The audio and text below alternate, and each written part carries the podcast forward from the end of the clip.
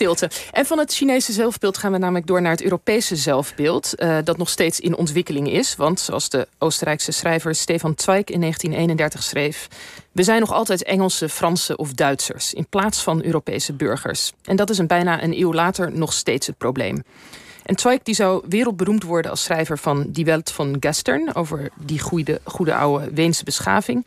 En hij was humanistisch Europeaan zag zijn wereld ten ondergaan en wilde de beschaving redden van de barbarij. Ja, en zoals ooit Erasmus op een ezeltje rondtrok door Europa om beschaving te brengen, zo bezocht uh, Stefan Zweig per vliegtuig een aantal steden om als modern profeet Europa te waarschuwen in de jaren 20 en 30 voor het verval.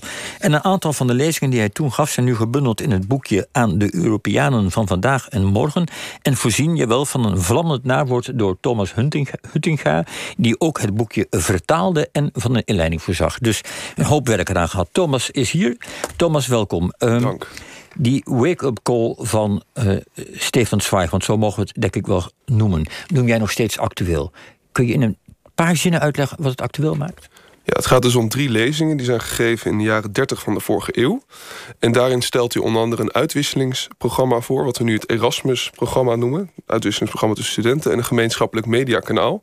En dus ook een, een, fake news agency. Hij zegt dat er mensen moeten zijn die dan het nieuws gaan checken. En ik las dat toen en ik dacht, dat is bijzonder actueel. En het bijzondere van Zweig was ook dat hij zich zo'n Europeaan voelde ten tijde dat er nog geen politiek Europa was. En dat triggerde of dat inspireerde mij. En toen dacht ik van, daar ga ik me meer in verdiepen. Ja, want laten we ook even stilstaan bij die figuur van Zweig. Europa is dan nog een, soort lappendeken. Hè? In, de, is juist dan een lappendeken geworden, want daarvoor waren het een aantal grote rijken. Introduceer hem even bij ons. Waar zouden mensen hem van mogen en moeten kennen? Wat schreef hij, wie was hij? Ja, Stefan Zweig is geboren in 1881 in Wenen... en hij heeft zelfmoord gepleegd in 1942 in Rio de Janeiro, Brazilië. En hij was in de jaren 30 van de vorige eeuw... een van de meest vertaalde auteurs ter wereld. En hij schreef hele makkelijk leesbare boeken. Denk aan biografieën als Mary Stuart, uh, Marie Antoinette... en dus ook over zijn grote voorbeeld Erasmus. En waar hij nu nog met name bekend van is... is zijn autobiografie Die Welt van Gestern... die hij heeft afgeschreven voordat hij zelfmoord pleegde. Nou, het ging over het Europa van de 20e eeuw. Het ideaal wat eigenlijk uh, verloren ging. En de schaaknovelle staat nog wel eens op de leeslijst. Ja, en, en laten we dan even naar dat ideaalbeeld wat, je zou, wat hij had van Europa gaan. Want hij beschrijft Europa als een toch in zekere zin een plek van beschaving en, en met hartstochtelijk redelijke mensen. Hoe komt hij aan dat ideaalbeeld? Ja, de wieg van Zweigs geloof in Europa stond in Wenen. Inderdaad, dat multinationale rijk. En daar uh, werd hij geïnspireerd om zich daarin te verdiepen in de cultuur. En er is daar een schitterende quote van Karl Kraus. En die zei daar, waar normaal de wegen van asfalt zijn... zijn ze in Wenen van cultuur. Dus uh, daar kon hij zich uh, ontwikkelen. En als het zijn dansgeld, wat, uh, het geld wat hij voor danslessen had... ging naar boeken. En daar ging hij boeken schrijven. En, en al die invloeden heeft hij ook uiteindelijk meegenomen. En hij noemde het ook in zijn autobiografie... dat het makkelijker was om Europeaan te zijn in het Wenen. Van toen. En, en hij noemde Europa het Griekenland van de wereld. Eh, Europa het klassieke Griekenland, het, het Griekenland van Athene, voor alle duidelijkheid. Ja. En dat was een, een, een bakermat van cultuur. En dat was zo, zo belangrijk voor hem. En in, zijn visie werd ook geïnspireerd door de geschiedenis. Dus hij ging ook bijvoorbeeld in de derde lezing, die ik dan heb vertaald, ging hij terug naar het Romeinse Rijk, de Renaissance, de Reformatie. En daarbij zocht hij punten om te laten zien in de geschiedenis dat we zo verbonden zijn. Ja, nu, nu zeg je, we hebben nog steeds wat aan die lezingen. Um, nu pleit hij bijvoorbeeld in die lezingen voor internationale studentenuitwisselingen, voor min of meer open grenzen, voor cosmopolitische en minder nationalistisch geschiedenisonderwijs. Allemaal zaken die we nu hebben. Toch? En nog steeds loopt het niet zo lekker met het Europa-gevoel. Hoe komt dat? is daar iets van een. Uh, is het medicijn van Zweig, is dat, is dat eigenlijk wel een goed medicijn? Nou ja, inderdaad, wat we net ook bespraken, als we het hebben over de, de eeuw van de vooruitgang, wat tekend was voor, voor, voor de periode van Zweig... dan zie je ook dat we nu vandaag de dag nog verbonden zijn dan ooit. Niet alleen het coronavirus wat de hele mensheid treft... maar denk aan het internet, denk aan de goedkope vliegreizen... denk aan de uitwisselingsprogramma's. En toch zien we ook weer als tegenreactie het nationalisme opkomen. En Zweig beschrijft dat als een, als een periode van, van eb en vloed. De stuwende golven van het supranationalisme... en weer de terugtrekkende bewegingen. Kijken naar je eigen grenzen van het nationalisme. En dat is misschien iets wat hij over het hoofd heeft gezien. Dat technologische vooruitgang niet betekent meteen een sterker gevoel van verbondenheid. En daarnaast, als je dus naar het Europa van vandaag kijkt. We begonnen met die schitterende quote van Zweig, die dan zegt: van we zijn nog steeds uh, Franse, Duitsers en Engelsen en geen Europese burgers. En vandaag de dag zijn we Europese burger. Alleen het is nog geen gevoel om Europeaan te zijn. En ik denk dat hij dat heel erg gevonden zou hebben, want voor Zweig was Europa primair een gevoel. Ja, want excuses.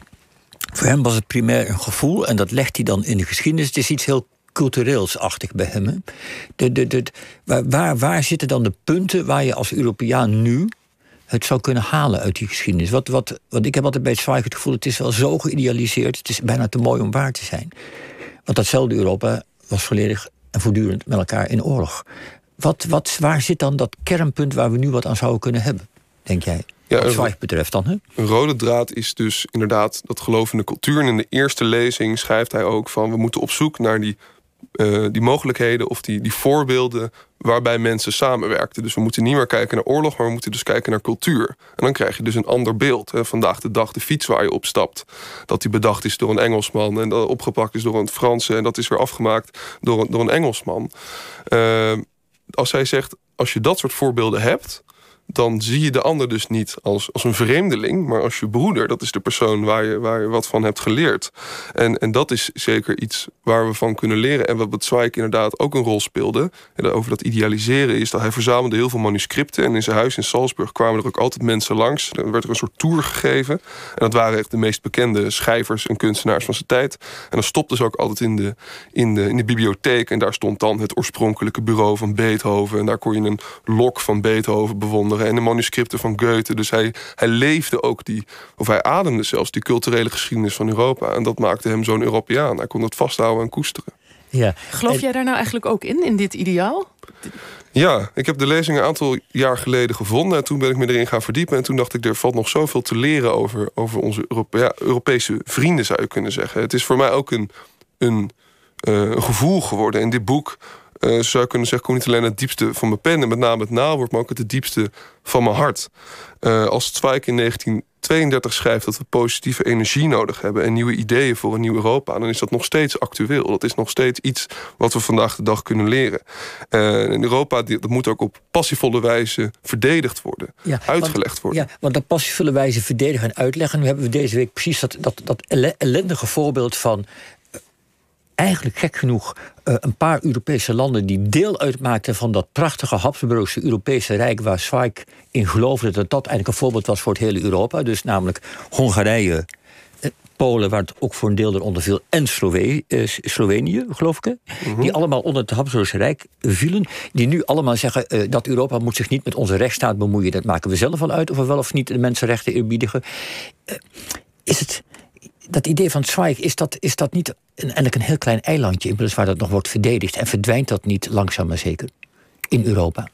Nou, het is, het is zeker onderontwikkeld. Uh, als je kijkt naar wat het verhaal van Europa is... dan is dat in principe nu nog economische samenwerking... en een beetje politieke samenwerking. En ik denk ook dat Zweig daar niet per se naar zou kijken. Hij, hij, hij las s'avonds altijd de krant. Hij ging, s ochtends ging hij boeken schrijven. En het was niet zo dat hij ging kijken van... wat, wat heeft Hongarije nu gezegd? Maar wat hij meer jammer zou vinden, of wat hij een grotere bedreiging zou vinden, en dat gaat ermee samen, is de opkomst van het nationalisme.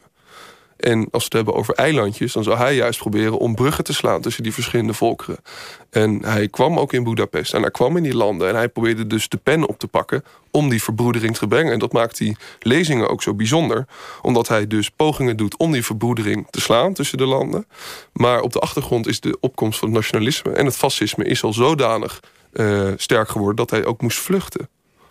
Frans Paul, ik wil toch nog ook heel eventjes naar jou toe. Want we hebben, jij, jij eindigt eigenlijk ook jouw boek met een soort oproep aan Europa.